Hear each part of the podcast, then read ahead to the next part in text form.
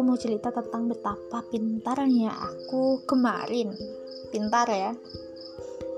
Jadi sekitar jam tujuan gitu salah seorang temen aku nelpon. Temen yang ya kita biasa ngobrol biasa sharing dan segala macam. Kebetulan dia cowok nih. Terus dia nelfon tuh nggak lama. Kayaknya belasan detik doang. Dan cuma nanya sehat kan? Gitu deh pokoknya.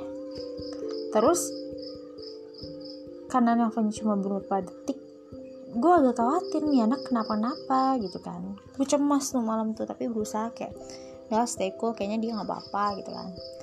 Terus malam gue kepikiran gue tanya lah kenapa? gitu. Gue nggak nggak inget deh pesan detailnya gimana cuman ya itu intinya. Nggak dibaca tuh terus pagi gue coba telepon karena gue masih khawatir kan. Terus pas gue telepon ternyata di reject. Dan setelah itu nggak lama setelah itu dia telepon balik. Terus sorry ya tadi gue reject di gini bla bla segala macam terus gue tanya lo lo nggak apa apa kenapa nih pesan gue nggak dibales? Gitu kan. Terus dia jawabnya gini ya kan nggak perlu dibales. Dim kadang emang kepedulian kita dianggap hal yang nggak penting buat orang gitu. Rasa takut lo rasa cemas yang lo punya guys belum tentu dipertimbangkan oleh orang lain.